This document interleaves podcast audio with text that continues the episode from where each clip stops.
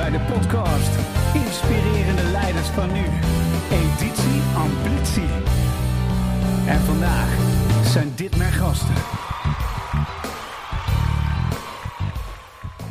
Ja, welkom bij weer een nieuwe uitzending van Plevier en de inspirerende leiders van nu. We zitten in een complexe tijd waar de wereld snel gaat. En uh, ja, ze noemen het wel de VUCA-tijd. The world is voluntary, uncertain, complex, ambiguity. Wat eigenlijk inhoudt dat de wereld onbeheersbaar is. Uh, dat doordat complex problemen complexer als ooit met elkaar samenhangen. Het gaat ook snel.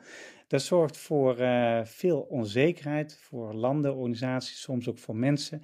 Um, en je weet eigenlijk als er iets gebeurt niet altijd zeker waar je staat. Dus het vergt heel goed leiderschap om uh, daarmee om te gaan. In deze podcast brengen we inspirerende leiders in beeld. En we hebben als gast vandaag Tom van der Lubbe. Hallo Tom. Hallo, dankjewel. Leuk. Ja, vanuit uh, Amsterdam. We gaan je zo voorstellen aan de hand van jouw uh, Guilty Pleasure Song. heel kort voor de luisteraar. wat doe je en waar werk je? Ja, mijn naam is Tom van der Lubbe. Ik ben een van de oprichters van Visie Hypotheken. En wij doen hypotheekadvies. Dus als jij een uh, appartement of een huis wil kopen, dan begeleiden wij de klant. En ja, net zoals je dat van de hypotheker kent. En we zijn eigenlijk vooral gefocust op starters. dat is onze hoofddoelgroep, expats. En we zitten vooral in de Randstad. Je zit vooral in de Randstad. Nou, mooi. Super, super leuk. Ik had een paar weken geleden had ik uh, uh, Frank in de podcast, de CEO van de hypotheekafdeling van, van de Volksbank. Oh, en ik. Ja, ik, ik, heb al geleerd dat jullie een uitdagende markt hebben. ja, dat klopt. Met mooie thema's. Ja, maar ik vind het nog steeds uitermate interessant sector. Omdat je natuurlijk toch met een klant echt wel iets substantieels aan het doen bent. Hè? Het is het huis of het appartement of waar mensen wonen of leven. Dat is natuurlijk zo cruciaal en zo belangrijk voor iedereen. Uh, dat dat, ik vind dat nog steeds wel een hele mooie business. Ja, zeker. Mooi. We gaan je voorstellen aan de hand van jouw favoriete song, Leonard Cohen, Going Home. Laten we daar eens naar luisteren.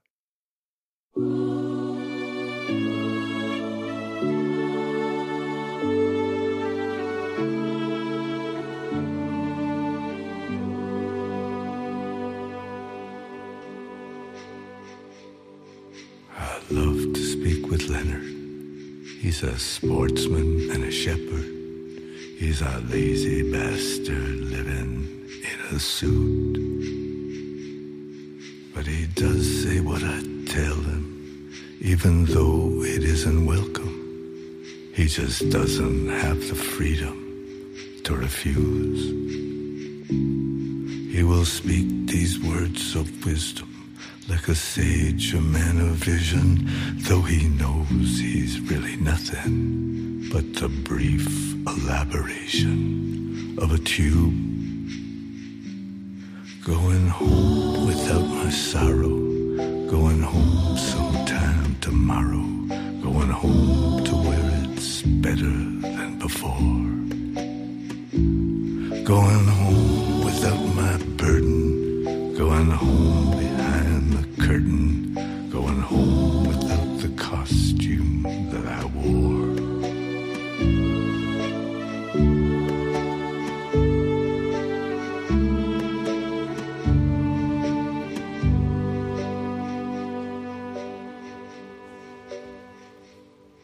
He wants to write a love song, of forgiving. Okay, Tom, uh, Leonard Cohen, uh, waarom die song Going Home? Het is je favoriete artiest, had ik uh, begrepen? ja, waarom heb ik hem uitgekozen? Omdat ik, ehm, ik ben helemaal geen grote muziekkenner, maar ik vind hem als zanger en vooral vanwege zijn teksten, ja, is dat wel mijn, mijn, mijn favoriet, zou ik maar zeggen. en wat ik bij hem interessant vind, is zijn, zijn een aantal aspecten. Ik vind het een hele filosofische zanger. Dus uh, de dingen die hij doet. Uh, ten, denk ten eerste dat hij er heel lang over nadenkt, over zijn teksten. en dan uiteindelijk in principe dat weer dan weet te verdichten tot een bepaalde kern. En daar zit ook een soort reflectie in, ehm, die, ik, die ik uitermate aangenaam vind. Ja. Wat, je, wat je overigens, hè, als we het over het thema leiderschap hebben, denk ik daar ook op zijn plaats is. Ja, hey, en is, is, is dat, zijn dat ook kenmerken die jouw leiderschap typeren? ik vind het natuurlijk altijd moeilijk te, moeilijk te zeggen als je over, over jezelf hebt. Dat zou je eigenlijk andere mensen moeten vragen. Maar laat ik het zo zeggen. Ik denk in ieder geval dat ik het probeer. Uh, en ik denk ook wel dat het voor een gedeelte ook soms met je scholing en je achtergrond te maken heeft. Dus ik ben geen klassiek geschoolde manager in de zin dat ik, uh, ik zou maar zeggen, micro-economie heb gestudeerd. Uh, ik heb een hele andere achtergrond. Ik ben historicus, politieke wetenschappen gestudeerd. dat soort dingen. Ik ben een groot fan van, van filosofie. En ik denk dat die, dat die zelfreflectie, in de spiegel kijken en, en, en misschien jezelf ook proberen, ieder geval allemaal een groot ego natuurlijk, maar proberen je niet zo belangrijk te, te vinden, dat dat wel iets is wat ik, wat ik in ieder geval probeer. Of wat we ook, wat we ook in het bedrijf proberen. Ja, Zeker. Even vertel eens iets meer over je bedrijf. Eh, wat, uh, wat doen jullie en hoe is jullie filosofie? Ik denk dat, um, ik zou zeggen, je hebt natuurlijk enerzijds gewoon dat product wat wij aanbieden en wat anderen ook aanbieden. Hè? Dus wat, ik, wat we hypotheekadvies noemen. ik denk dat in dit soort podcasts en interviews en als je ons googelt, dan zijn wij denk ik vooral bekend door onze organisatiestructuur, zelforganiserend. Um, en hebben, ja, zijn wel heel veel in het nieuws geweest, ook als, als werkgever. Zijn, uh, hebben veel prijzen gekregen. Great Place to Work. Bijvoorbeeld waren we vier keer achter elkaar nummer één in de kleine categorie in Nederland. Euro Europa waren we een keer zelfs nummer één. Uh, hebben allerlei andere uh, awards gekregen. Er wordt veel onderzoek ook gedaan naar, naar de manier waarop wij organiseren. Omdat wij um, enerzijds de eigen mensen op nummer 1 zetten. Dat is dan gewoon de volgorde van de stakeholders. Daar wordt best wel veel onderzoek naar gedaan. ja, en dan decentrale besluitvorming is belangrijk. Dat is een thema waar veel onderzoek naar gedaan wordt. Hè. Juist als dingen complexer worden, stuur je dan centraal aan of decentraal? En het derde thema waar best wel veel over te vinden is, is dat wij met uh, radicale transparantie werken. En dan wordt met name eigenlijk altijd geschreven over de salarissen uh, die publiekelijk, of tenminste intern bekend zijn, extern bekend zijn. Um, ja, en dat, dat vinden sommige mensen ook exotisch. Dus voor de mensen, voor de liefhebbers, daar is voldoende online te vinden over ons. Uh, ik zou maar zeggen, over de manier waarop wij ons bedrijf uh, opbouwen. Ja. Ja, en dus die, die drie pijlers van decentrale besluitvorming en eigen mensen op één en radicale transparantie. En natuurlijk aan de buitenwereld zeggen ze dan, oké, dus ze hebben de salaris openstaan, ze staan openlijk op de website en dat soort dingen. Daar valt het eerst op. Hoe ben je, hoe ben je daartoe gekomen om je organisatie op die manier uh, in te richten? Uh, ik denk dat er een hele hoop um, verschillende invalshoeken zijn waarom dat dan uiteindelijk tot stand komt. Ik denk dat uh, ten eerste heel veel ondernemers uh, heel snel al merken dat als een, als een organisatie een bepaalde grootte krijgt, dat ze eigenlijk geen manager willen zijn. dat is ook overigens vaak de reden dat mensen ergens weggaan en ondernemer worden. Zeggen, nou, ik wil zelf beslissen. En dan is het een beetje gek eigenlijk als je, als je grote motivator was zelf te beslissen. Dat als je een bedrijf opbouwt, of in ieder geval wij vonden dat, want ik, ik ben een van vier oprichters. Wij zeiden, het is een beetje gek als een bedrijf dan groeit, dat je dan weer zelf gaat lopen micromanagen. Ja. want, want, want jij begrijpt als geen ander dat je niet gemicromanaged wil worden. Dat is de reden dat je ondernemer wordt. En dan groeit je bedrijf en dan ga je precies dat doen wat voor jou de aanleiding was om uh, ondernemer te worden. Dus dat is, dat is één element. Tweede is dat je natuurlijk, en dan ben je bij het thema van de podcast, als dingen steeds complexer worden, dan is de vraag of centrale aansturing het juiste middel is. Ik zou eerder zeggen, nee, decentraal. En het derde thema is, en dat is misschien weer meer de link naar de, naar de, naar de, naar de ik zou zeggen, de introductie en ook naar de song van Leonard Cohen, is dat uiteindelijk als je uitzoomt, dan gaat het erom, als je een bedrijf opbouwt, niet om jou als persoon of jou als oprichter. Maar dan denken wij dat het erom gaat iets neer te zetten waar iedereen die in dat bedrijf werkt. En zo'n, ja, ik zal maar zeggen, zo'n zo'n interessant mogelijke tijd beleeft. En, en zijn ei kwijt kan en zichzelf kan ontwikkelen en samen met collega's iets kan doen. Dus dat zijn even wat, wat punten opgezomd. Ja, gaaf. Ja, maar het is, het is eh, eh, voor jou is het heel simpel, ook waarschijnlijk. Terwijl ik denk van, nou, ik kom in heel veel organisaties binnen, daar zouden ze willen dat ze dit meer hadden. Ja, dat heeft misschien toch ook wel een beetje om, om, om, om wat andere insteek te kiezen, ook wel een beetje met mijn achtergrond te maken. Ik vond het als, ik zou zeggen, iemand die historisch en politiek geschoold is, altijd heel gek dat ehm, als het over organisatieinrichting gaat in bedrijven, dat dat eigenlijk zo ouderwets is in de zin van uh, dat je eigenlijk met een soort aristocratie te maken hebt. Dus je hebt een sterke CEO. En dat is eigenlijk voor een historicus is dat heel erg vergelijkbaar met absolutisme. Dus dat je een absolute vorst hebt die voor iedereen en alles beslist. En de samenleving waar wij allemaal in leven, is nou juist heel erg decentraal georganiseerd met grote individuele vrijheden. Dus even een heel simpel voorbeeld. Wij vinden het heel normaal dat dingen in de gemeente in de gemeente beslist worden, in de provincie in de provincie beslist worden en nationale aangelegenheden in de Tweede Kamer of in de Senaat besloten worden. In een bedrijf vinden we het dan in één keer weer heel gek als we aan een team decentraal de besluitvorming aan de mensen zelf overlaten. Terwijl we dat in onze, in onze samenleving juist wel heel normaal vinden. Dat in de Tweede Kamer niet over de renovatie van het zwembad in Den Haag gediscussieerd wordt. Dus ja. ik, ik vind het eigenlijk een beetje, een beetje, beetje tegenstrijdig. Of dat je bijvoorbeeld toch wel veel met directe democratie werkt. Of uh, dat je aan de mensen vraagt, hey, hoe zit je erin? Eh, dat is wat je bij verkiezingen doet. Of wat bij ons ook een, eh, waar we veel vragen over krijgen, is wij werken met rolerende verantwoordelijkheid. Wat je ook uit de agile discussie en zo kent. En dan zeggen de mensen, ja, nee, maar wel gekke rotatie. Dus wij bijvoorbeeld in, in, in teams wordt de coördinerende rol wordt om het half jaar wordt die, wordt die als een estafettestokje doorgegeven. Zeggen de mensen ook gek, waarom is er niet gewoon één manager? Dan denk ik van ja, maar dat is toch in principe wat wij in onze parlementaire democratie ook doen. Daar kiezen we om de zoveel jaar en dan is er weer iemand anders. Dus we hebben er niet voor gekozen dat we een koning hebben die die heerst als een soort premier tot het einde van het leven en dan komt er een nieuw persoon. Nee, om de vier jaar, even gemiddeld, zeggen wij van nou, we kiezen en dan is er iemand anders die het land, ik zou maar zeggen, als regeringsleider leidt en dan komt er weer iemand anders. Dus waarom zou dat in een bedrijf, vind je dat dan exotisch als je wel het stokje af en toe doorgeeft?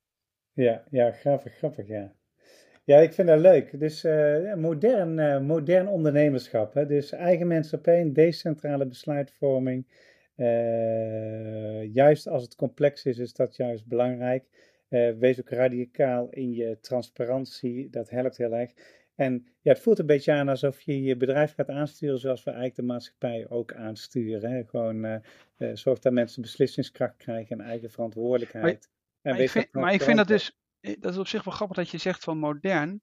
Ik had een, uh, ik weet niet, dat is al een tijd geleden, een gesprek met een, met een nota bene hoogleraar van Harvard.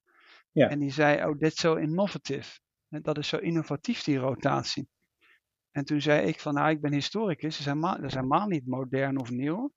Ja, dat, is twee, dat is twee, nou, dat is tweeënhalf, dus ik ken het uit de, uit, uit, uh, uit de Griekse oudheid. Dus in de, in de polis Athene had je ook rotatie. Maar bijvoorbeeld in de Nederlandse traditie, en we kijken bijvoorbeeld naar, naar de manier waarop onze steden, want we zijn, hebben natuurlijk een republikeinse traditie, handelssteden, of het nou Amsterdam is of alles rond het IJsselmeer, et cetera, dat waren altijd steden die werden geregeerd door de burgers.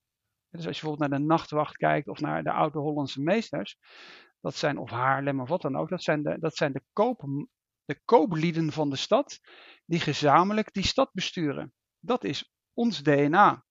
Dus dat is eigenlijk, dat, dat heeft altijd rotatie uh, gehad. Dan kun je natuurlijk zeggen, ja, dat was ook een elitaire kwestie, want als je niet tot de leidende koopmansfamilie van een stad behoorde, dan, dan had jij aan die tafel niks te zoeken en dan stond jij ook niet op dat schilderij van die Hollandse meester. Maar, maar dat, dat idee dat wij bijvoorbeeld juist als, als, als Nederland een van de allereerste republieken waren, het republikeinse idee is eigenlijk dat, dat principe burgers regeren zelf hun eigen steden. Dus ik vind, juist als Nederlander, vind ik het juist heel gek als wij aristocratisch een, een soort koningachtige allure om de CEO heen maken en zeggen van nee, maar dat is de, dat is de absolute vorst. Dus als ik bijvoorbeeld vaak ondernemers hoor die zeggen, ja, wat zijn je voorbeelden? Noemen ze Elon Musk en Jeff Bezos en hoe ze allemaal heten. Dat is voor mij nou juist een typisch voorbeeld van een absoluut vorst.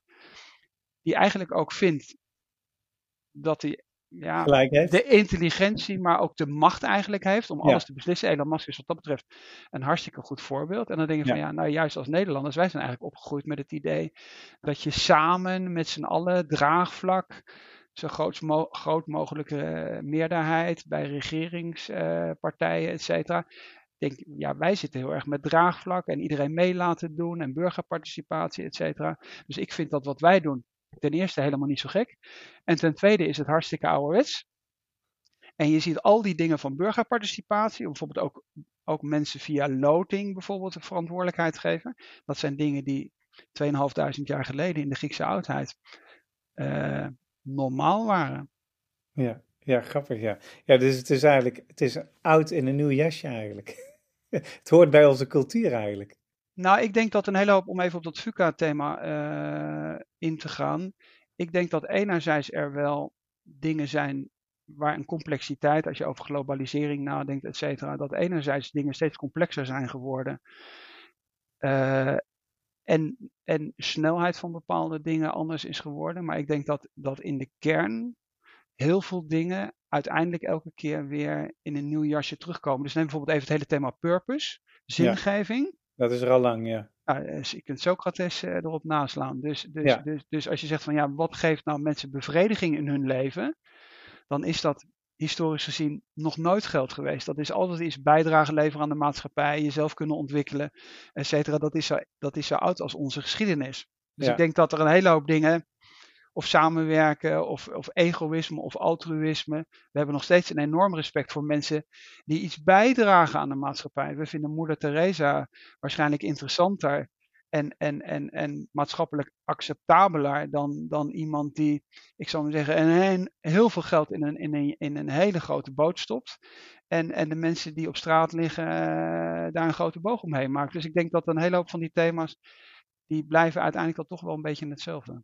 Ja, het hoort bij mens zijn eigenlijk, hè, dit soort thema's. Ja, ik zeg ook wel eens van de drie kerndingen, die veranderen eigenlijk nooit. Hè. Een mens wil altijd liefdevolle relaties hebben en mens wil toch wel authentiek zichzelf zijn. En, uh, en, en, een mens is vaak ook op, met name op latere leeftijd bezig om uh, zijn talent te laten zien en waarde, uh, verschil in de wereld te maken. Om met een bijdrage leveren en dat ze dat blijven we houden. Alleen het is wel in andere andere vorm vaak. Is, is de hypotheekwereld, want is, dat vind ik ook heel mooi, want de hypotheekwereld is een tijd geweest dat de hypotheekwereld intransparant was. Mm er is heel veel gedaan om dat uh, te repareren. Hoe, hoe, uh, hoe, hoe, kijk jij tegen die, die wereld aan? Ik had Frank die zei van, van de Volksbank, die zei ja, ja, vroeger dan was ik bezig met ja, het maken van producten die uh, we konden verkopen. Hè, in de mhm. vorm van hypotheken en dat soort dingen. Hij zei, maar ik ben erachter gekomen dat eigenlijk het belangrijkste basisidee is dat we iedereen een fijne leefplek willen bezorgen. En uh, ook in verhouding tot de wereld om me heen. Wat was jullie filosofie erover? Uh, ja, twee dingen. De purpose, zoals dat dan tegenwoordig zo heet, hè, of de raison d'être heette, dat vroeger bestaansreden van de organisatie is dat we die financiële sector uh, willen veranderen. Staat overigens ook als je dat googelt, visie Change Finance. En, en Change Finance betekent eigenlijk dat de financiële sector een maatschappelijke verantwoordelijkheid heeft. En dat het een soort, eigenlijk een provider, zou je tegenwoordig wellicht noemen, uh, dus, dus andere partijen dingen mogelijk maken. Hè. Dus dat kan uh, het MKB zijn met bedrijfskredieten. Nou goed, dat doen wij dan weliswaar niet. Uh, en, en hypotheken, hè. dus is mensen die woonplek mogelijk te maken. Zoals je net aanknoopt, de BLG Wonen, waar we overigens een hele goede standverhouding mee hebben. En wat we best wel vergelijkbaar DNA ook hebben.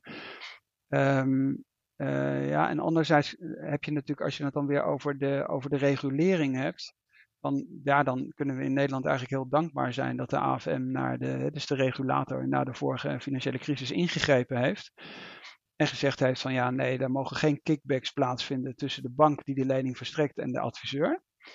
Dat is niet goed en ook intransparant. En dat betekent uiteindelijk dat in Nederland de klant al, alleen maar tussen aanhalingstekens het adviesbedrag aan de adviseur betaalt. En dat, er, en dat, die voor de rest zeker, dat voor de rest zeker gesteld is door de regulator. Dat er op geen enkele manier een vergoeding plaatsvindt tussen, tussen de partij waar de lening vandaan komt en de adviseur. En dat creëert natuurlijk eh, enorme rust, omdat je dan eigenlijk als klant weet. Uh, het maakt voor, voor mijn adviseur niet uit waar ik die, waar ik die hypotheeklening onderbreng. Ja. dus ik vind het een uitstekend, uh, ja, dus een uitstekend uh, model. Heb je natuurlijk een hele hoop problemen op de woningmarkt, uh, maar dat is natuurlijk iets waar we ons dan wel mee bezig houden. Wij doen één keer per kwartaal bijvoorbeeld de startersbarometer, omdat wij ook wel onze maatschappelijke rol zien, vooral op het gebied van het helpen van die starters. En die positie is natuurlijk in de loop van de tijd steeds moeilijker geworden. Um, um, maar ja, ik, ik denk dat wel veel mensen ook echt wel proberen op een hele goede manier, ik zal maar zeggen, klanten te helpen en die markt ook beter te, te maken. En dat het ook wel een duidelijke scheiding is ten opzichte van, ik zal maar zeggen, geld zoveel mogelijk ronddraaien. Uh, en, en, en eigenlijk dan is de vraag van ja, waar is die maatschappelijke meerwaarde eigenlijk van, de, van dat gedeelte van de financiële sector? Ja, dat is super, super leuk. Ja, en uh, jij kent BLT, die ken je ook, uh, dus... Ja, BLG is gewoon een hele grote okay. groep, hè? dus dat is, ja. um, uh, ik zou maar zeggen, natuurlijk na de, na de grote, ik weet niet eens exact de marktaandelen, maar je hebt natuurlijk de grote drie banken die we allemaal kennen. En dan is de Volksbank, maar natuurlijk met een hele hoop verschillende merken, is natuurlijk de grote vierde partij in Nederland. En als hypotheekadviseur heb je natuurlijk uiteindelijk alle, alle hypotheekproducten uh, heb je in de schappen liggen. Ik geloof dat er ongeveer in totaal ongeveer 40 producten zijn. En dan afhankelijk van de klantsituatie kies je dan dat uit wat het beste bij de klant past.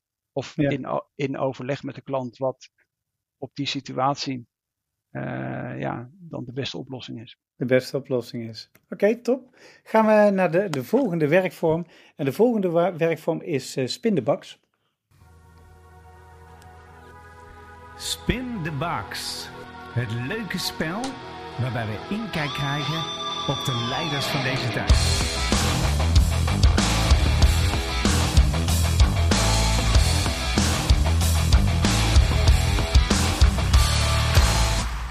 Oké, Spin the Box is, ik heb hier 28 vragen staan, uh, Tom. En uh, je mag een cijfer noemen, we doen hem vier keer. En je mag een cijfer noemen en daar hoort een vraag bij. En de bedoeling, de bedoeling is dat je ja, zo eerlijk mogelijk uh, antwoord geeft op de vraag. dus je mag een cijfer noemen tussen 1 en 28. Nou, ik ben heel makkelijk 1. 1. wat is op dit moment je belangrijkste focuspunt? Mijn belangrijkste focuspunt? Uh, goede vraag. Um, ik heb net uh, een half jaar achter de rug uh, heb die coördinerende rol gehad. Dus om even dat thema rotatie op te pakken. heb die net overgedragen. Een collega van mij, Hendrik, heeft nu de operatieve verantwoording. En ik ben weer nu even in een fase waar ik wat sterker uitzoom. en, en, en meer met, ik zal zeggen, het middellange termijn toekomstperspectief van de organisatie bezig ben. Ik heb allerlei rollen uh, CFO-rol en uh, transitie naar hypotheeklabelrol, et cetera. Maar dat is even, ik zit vooral nu bij de B-thema's en minder bij de A-thema's. Ja, ja, oké. Okay.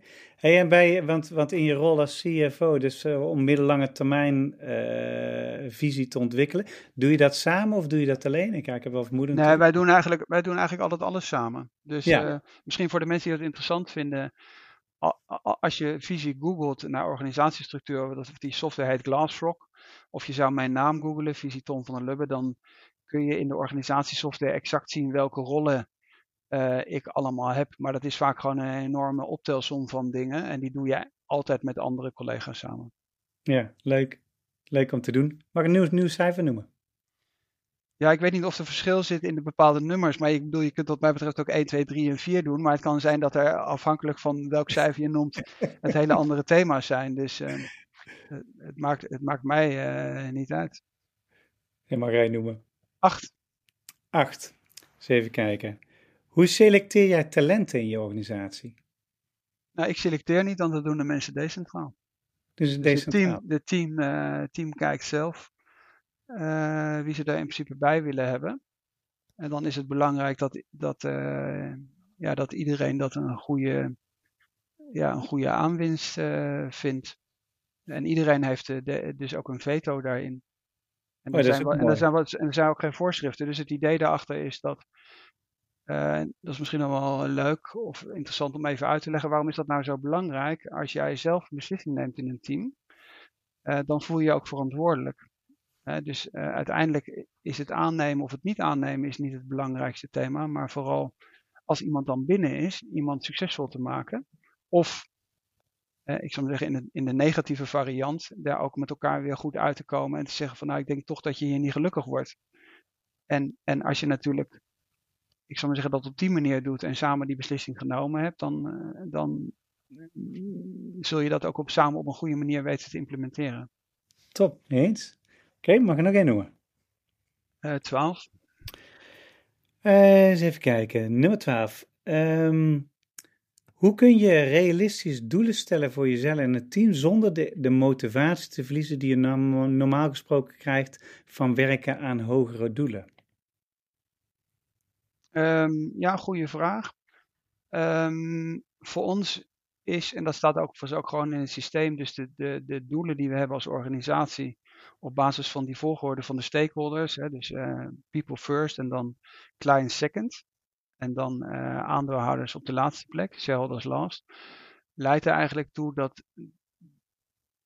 dat je eigenlijk automatisch al je doelen op een, op een metaniveau definieert. Dus, dus wij zeggen, als de mensen die bij ons werken happy zijn, of blij zijn, of tevreden zijn, of gelukkig, is allemaal grote woorden. Natuurlijk moet je altijd een beetje oppassen. Dan zullen de klanten ook automatisch tevreden zijn en zijn de aandeelhouders ook tevreden. En afhankelijk van de fase waar je in zit, zul je met elkaar decentraal, maar ook, ook, ook eh, in afstemming met z'n allen in het bedrijf, zul je definiëren wat, wat je doelen zijn. Maar als je een marathon loopt, dan zijn die tussentijden niet zo relevant. Dus uh, alleen dat heeft natuurlijk te, ma te, maken met wat voor, wat voor structuur je hebt. Wij zijn zelf eigenaar van ons bedrijf. Dus wij hebben nogal makkelijk praten. Dus als wij zeggen van ja, we zijn lange termijn georiënteerd en het speelt niet zo'n rol, want het is een marathon. Dan kunnen wij dat makkelijk zeggen. Ben je natuurlijk CEO van een beursgenoteerd bedrijf waar de aandeelhouders elk kwartaal een dividend willen hebben. Ja, dan kun je wel heel erg lange termijn georiënteerd zijn of, of zou je dat willen zijn, maar kun je dat helemaal niet omdat iemand anders bepaalt wat jouw doelen zijn. Dus wij kijken zoveel mogelijk lange termijn en dan decentraal moeten de teams zelf maar definiëren wat ze, wat ze aan eigen doelen uh, willen stellen. Ja, mooi. Laatste vraag. Uh, 28 of is dat, gaat het tot 27? Nee, uit 28, ja. ja dan moeten we, pakken we 28. Ja. Um, hoe ga je zelf om uh, als je bijvoorbeeld een verandering wil inzetten met weerstand? Nou, wat bij ons in het model uh, zit, is dat heet uh, het consentprincipe. Dus niet consensus, maar consent in zelforganisatie of holocracy. Is dat, is hetzelfde systeem wat je ook uit de wetgeving kent van het amenderen. Is dat iemand komt met een bepaald voorstel en de logica is in holocracy omgekeerd. Alles mag, zolang het niet schadelijk is voor anderen. Dus het is een beetje vergelijkbaar met het vrijheidsprincipe wat we allemaal kennen. Je mag zo gek doen als je wilt, uh, zolang je maar niet iemand anders zijn vrijheid beperkt. Um, en bij die voorstellen betekent dat dan dat iemand anders kan daar dan iets van vinden of een spanning heet dat dan bij hebben. Alleen dan wordt het geïntegreerd. Dus iemand, ik zou maar zeggen, komt met iets. En dan zegt iemand anders, ja, maar heb je hier aan gedacht? Want voor mij betekent dat dat en dat. En dan wordt net zoals als bij amendering, bij wetgeving, wordt dat opgenomen. Dus in principe de, dat wat er aan feedback is, wordt geïntegreerd. En dan, dat wordt dan gemodereerd. En dan wordt gezegd van nou, oké, dat is het probleem wat de collega daarmee heeft. Uh, wat, hoe zou je je voorstel kunnen aanpassen? Uh, en dat betekent uiteindelijk dat weerstand is iets positiefs. Omdat weerstand of feedback mee wordt genomen en de kwaliteit van besluitvorming daar beter door wordt. En het omgekeerde zou zijn dat als je geen discussie zou hebben, dan vinden we dat slecht. Want discussie of debat leidt ertoe dat je met z'n allen scherper nadenkt over de kwaliteit van je besluitvorming. Nou, ik vind hem heel mooi. Heel mooi. Ja. Maar dat is natuurlijk wat we eigenlijk uit, de, uit, het politieke, uit het politieke debat van vroeger eigenlijk ook kenden en wat steeds meer aan het vervagen is. Dat je in het parlement eigenlijk in een inhoudelijk kwalitatief goede discussie wil hebben, omdat wij met z'n allen als burgers er gebaat bij zijn dat de kwaliteit van onze wetgeving zo goed mogelijk is. En Ja, we zijn er niet gebaat bij dat mensen voor de, eigen, voor de eigen achterban hun verhaal staan te vertellen wat ze nou dan op YouTube kunnen zetten. ja, precies. Wat je tegenwoordig best wel toch veel, veel ziet gebeuren. Tuurlijk. En, en, de, en de rol van de Eerste Kamer, waar soms over wordt gesproken dat je die maar beter kunt afschaffen omdat het dan allemaal veel sneller gaat, is nou juist bewust wel heel erg relevant, omdat de, de Eerste Kamer als opgave heeft juist op een ander niveau naar het algemeen belang en de kwaliteit van je hele wetgeving te kijken. En te zeggen, Ja. oh jongens, stop. Zullen we even uitzoomen met z'n allen?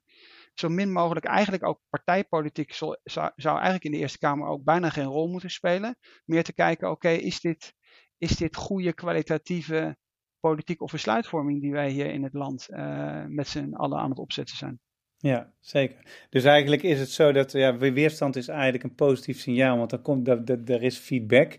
En als je met elkaar daarover in dialoog gaat eh, of in debat gaat over van nou, wat zijn de plussen en de minnen, wat zullen we daar samen eens in eh, besluiten, mits het niet schadelijk is voor eh, de organisatie of de mens om je heen, dan is eigenlijk weerstand eigenlijk altijd wel oplosbaar vanuit die discussie, zeg maar. Ja, de vraag is wat weerstand is. Hè? Dus als we ervan uitgaan dat de intelligentie van de groep groter is dan van het individu, zijn we ook weer bij rotatie, et cetera. Ja, ja, ja, en, daar is natuurlijk heel veel onderzoek naar gedaan. Het is zelfs zo dat het maakt niet uit welke vraag je stelt. Als de groep maar groot genoeg is, dan krijg je een juist antwoord. Eh, dus, dus de groep is intelligenter dan het individu. Dus het zou gek zijn dat als, dat, als je het daarmee over eens bent, dan zou het gek zijn als je dan tot de conclusie zou komen dat het individu dan toch maar moet beslissen of tegen weerstand in iets moet doordrukken. Nee, dan zou je eigenlijk moeten kijken van wat, wat is eigenlijk zinvol om, om de groep zoveel mogelijk aan het woord te laten.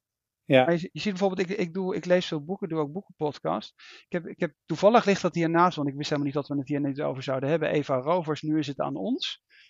Oproep tot een echte democratie. Er is veel discussie gaande over burgerberaden.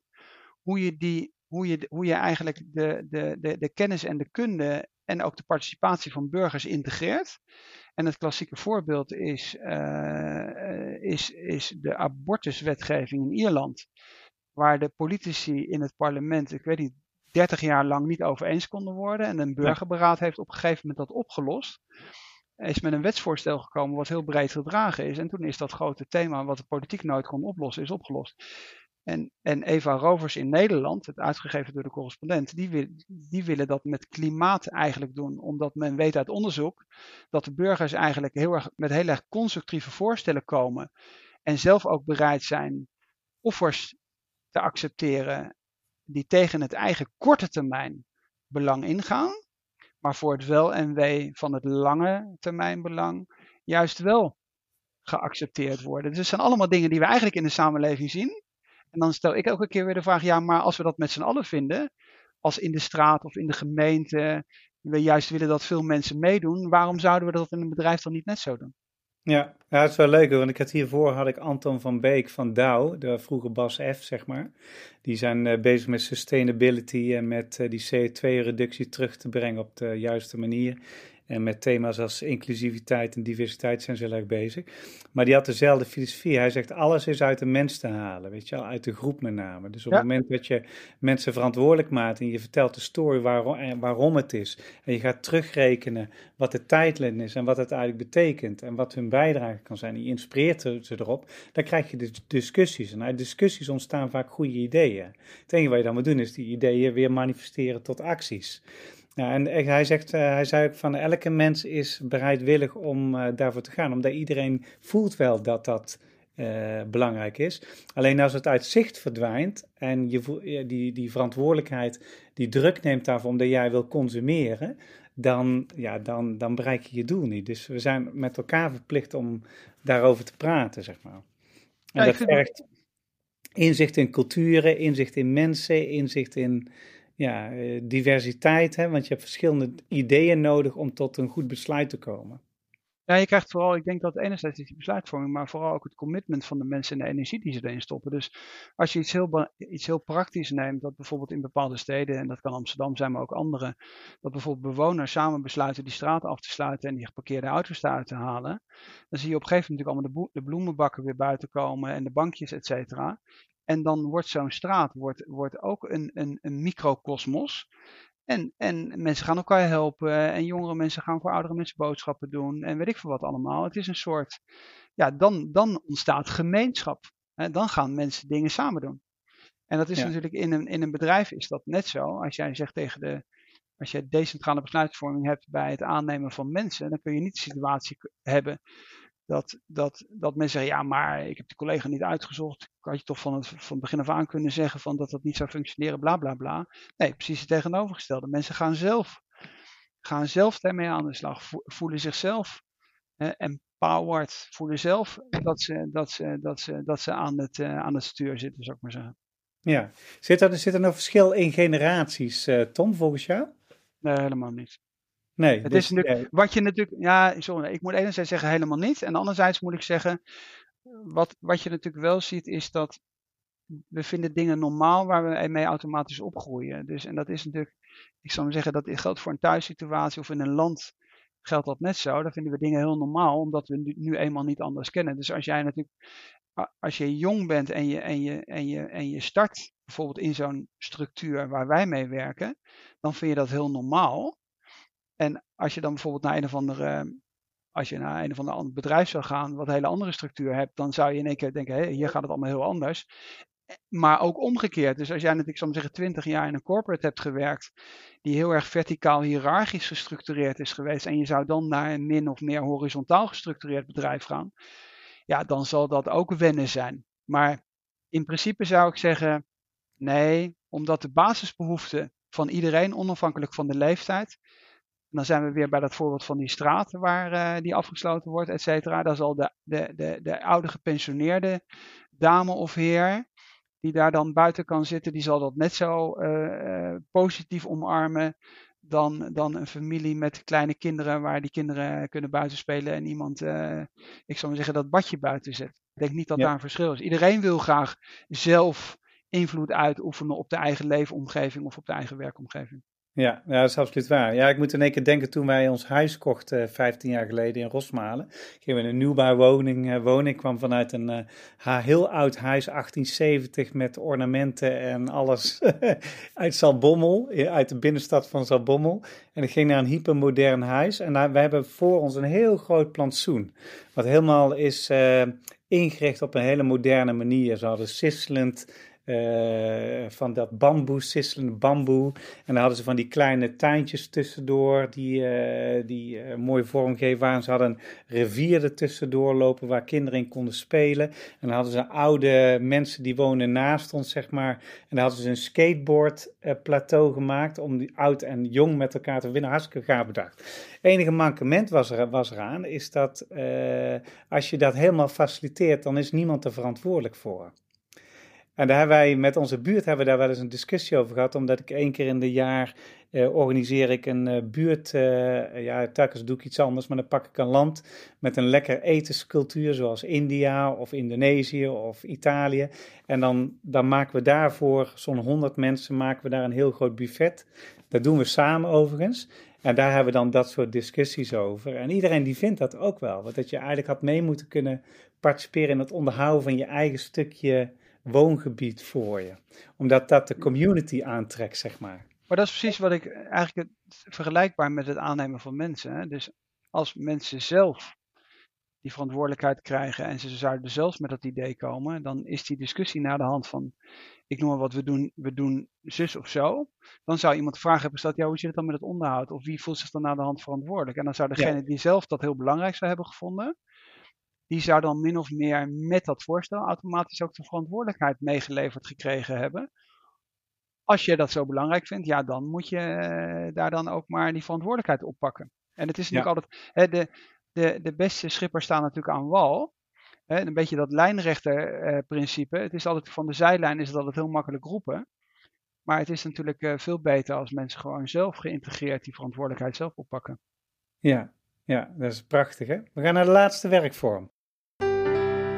Jouw story. This is the song for the people, a message of hope. Open up your eyes, look to the sky, the sun will shine on us. De laatste werkvorm is Your Story, Tom. Als je een, eh, de luisteraar een verhaal zou mogen meegeven, wat inspirerend is om hun leiderschap te ontwikkelen, wat zou je ze dan eh, willen vertellen? Nou, omdat het laatste gedeelte is en toch ook weer probeer een beetje de cirkel rond te maken, dan zou ik toch weer de. Ik heb overigens nog nooit een song van Leonard Cohen ergens in een interview eh, ingebracht. Eh, maar het heeft me ook wel weer aan het denken gezet. Dan zou ik toch wel weer de filosofische component eh, willen nemen van het leiderschap. Dat het uiteindelijk niet om de leider gaat. En dat het om het opbouwen van een organisatie of een samenleving of een, of een ja, kan een buurt zijn, et cetera. Dat, dat, ja, ik noem dat soms architect of, uh, of uh, tuinier. Hè? Dus ik zou zeggen, eigenlijk de, de, de infrastructuur creëren voor iets. Hè? Dus wat dat betreft denk ik dat als je ondernemer bent en iets opricht, dan is het ergste wat eigenlijk kan gebeuren, is dat de boel heel snel weer naar de Filistijnen geholpen wordt. En dat waar je het meest trots op, op bent, denk ik, op een hele hoop dingen. Dat hoeft niet alleen als ondernemer te zijn, maar dat is ook als je als, als je architect zou exact hetzelfde zijn. Jij bouwt iets en dan een paar jaar later wordt het, wordt het weer afgebroken. Ik denk dat dat een architect ook in de ziel pijn doet. Ja. Uh, en daarom denk ik dat, dat, dat misschien daar eens over na te denken over lange termijn. En dat komt het thema duurzaamheid, et cetera, natuurlijk ook in. Maar dat we natuurlijk op dit moment wel in een, in een tijd leven waar sterk leiderschap en een grote ego's. Hè, we hebben het even over Elon Musk en Bezos, et cetera, gehad. Dat we daar eens misschien wat op meer moeten reflecteren. En ik vind vooral dat we in Nederland erop moeten reflecteren. Omdat mij wel opvalt dat we in Nederland heel erg sterk achter dat sterke Amerikaanse mannenleiderschap, dat we daar achteraan rennen. En dat we, dat we misschien wat meer moeten terugkeren naar onze eigen collectieve traditie. Draagvlak creëren, dingen samen doen sociaal ook kijken hoe gaat het met de mensen. Net zoals bijvoorbeeld vroeger de industrieel Philips. Die vond Eindhoven belangrijk. En die vond een voetbalclub belangrijk. En die vond de inkopen voor de, zijn werknemers belangrijk. En sociale woningenwetbouw, et cetera. En nu leven we in een tijd waar multinationals onder de druk overigens van hun aandeelhouders eigenlijk kijken of ze niet naar Londen moeten verhuizen, et cetera. Dus ik denk dat we wat, wat als ondernemers wat meer met onze sociale verantwoordelijkheid binnen en buiten bedrijf bezig zouden moeten zijn. En, en, en, en hè, als je het dan over jouw story hebt, om misschien ook uit te leggen waar dat vandaan komt. Ik ben nu 54 en, maar heb met 20 kanker gehad. En had uh, 20% kans om te overleven. En ik denk dat het in het leven niet al om gaat om zoveel mogelijk geld te verdienen. Maar ik denk dat het erom gaat om een bijdrage te leveren. Of je dat nou als ondernemer doet of op een andere manier, dat maakt niet zoveel uit. Maar aan het eind van het leven is, is de hoeveelheid geld niet zo relevant. Maar het is meer waar heb je een bijdrage kunnen leveren. En zeggen de mensen van nou, het was een interessante tijd. Of we hebben iets zinvols met elkaar gedaan. En dat hoeft niet, dat hoeft niet altijd op een heel hoog liefdadig abstract niveau te zijn. Nee, dat kan ook zijn dat als jij bakker bent, dat de mensen waar jij goede broodjes hebt geleverd, altijd het heel erg leuk vonden om bij jou elke morgen die croissants te kopen of dat, Ja. brood, te- of dat brood te kopen. Maar Ja. dat we wat meer teruggaan naar, liefde is altijd zo'n groot woord, maar met elkaar wat liever en, en, en, wat, en wat, ja, wat, wat, wat meer ook te verplaatsen in, in eh, wat zijn nou eigenlijk de problemen van, van andere mensen. In plaats van dat we denken dat naar de maan vliegen en het eerste naar de maan vliegen en de grootste boot te hebben of het grootste huis te hebben. Ik denk dat niet dat dat zo relevant is voor Nee. je levensgeluk. Nee, ik denk dat ook. Ik vind het een prachtige afsluiting. Een hele mooie leider, Tom van der Lubbe. Hey Tom, als, als mensen gewoon eens eh, een beetje over jou willen nalezen, waar kunnen ze dan kijken? Ehm, nou, je kunt gewoon op LinkedIn, iedereen kan me ook connecten. Eh, en er is ongelooflijk veel materiaal eh, over ons, omdat dus die punten die ik aan het begin heb genoemd, vind, vinden veel mensen exotisch of innovatief of wat dan ook. Hè? Dus eh, salarissen die openstaan of zelforganisatie, et cetera. Dus als mensen op bepaalde thema's willen googlen, alles wat wij doen, of alle, toes, alle, alle, alle ik zal maar zeggen, interviews en alle presentaties, alles staat online. Uh, juist ook omdat wij denken dat we mensen ook graag inspireren. Omdat veel mensen met hetzelfde soort thema's bezig zijn. Soms zich een beetje alleen gelaten voelen. En dan, en dan denken van ja, ben ik eigenlijk wel op de goede weg? Of ben ik te sociaal, et cetera? Nee, gewoon zo doorgaan. Want je hebt, het, je hebt het bij het juiste eind. En laat je niet gek maken van de discussies van multinationals die een hoofdkantoor willen verplaatsen. Nee, blijf gewoon dicht bij jezelf, dicht bij je eigen waarden en normen. En probeer samen met de mensen om je heen er iets moois van te maken. Fantastisch, dankjewel. En ik, uh, ik ben het helemaal met jou eens. Dat is ook de reden dat ik je heb gevraagd voor de podcast. Want uh, heel inspirerende talk. Uh, check zijn, vooral zijn informatie. En ja, lees ook het boek van Even even. Want dat is volgens mij ook een leuk boek. Om, wat, wat, wat dit thema een beetje krachtiger maakt. Ja, eigen mens op één. decentrale besluitvorming. Hè? Ehm, zorgen dat er uh, transparantie ontstaat over hoe je opereert. Wees vooral menselijk erin. Hè? Het is helemaal niet verkeerd om een resultaat te halen, maar vergeet je oorsprong niet. Wij als Nederlanders, wij hebben een oorsprong waarin we heel veel samen hebben gedaan om succes te boeken op de juiste manier. En ondanks dat de wereld complexer is, als je met mensen in dialoog gaat erover, kom je vaak tot hele mooie uitkomsten. Hoe je samen een probleem kan oplossen. En dan draag je ook veel meer de verantwoordelijkheid. Een sterke CEO die ego gedreven is, ja, dat, dat absolutisme, misschien is het daar wel een beetje klaar mee in de wereld. Het is misschien tijd om een beetje meer decentraal aan te sturen en de kracht uit de mensen te halen. Want uiteindelijk, als het erop aankomt, hè, als het om purpose gaat, als je aan het einde van je leven komt, dan kijk je toch, ben ik authentiek mezelf geweest? Heb ik mijn talent ge, uh, laten zien en het verschil gemaakt? En heb ik liefdevolle relaties gebouwd? En ik kan het niet anders mooier zeggen dan jij, Tom, want jouw afsluiting was helemaal perfect. Hey, heb je het leuk gehad? In het ja, ik vind het, uh, ik doe dit soort dingen altijd heel graag, moet ik zeggen. Dus ik vond het gesprek met jou ook heel leuk, Wouter. Ja, dankjewel. Nou, dankjewel voor, jou, uh, voor jouw tijd en jouw invalshoek. Uh, blijf vooral luisteren naar de podcast Plevier en de inspirerende leiders. En we gaan er al zo uit uit met de Song for the People, want uh, connectivity, daar draait om in het leven.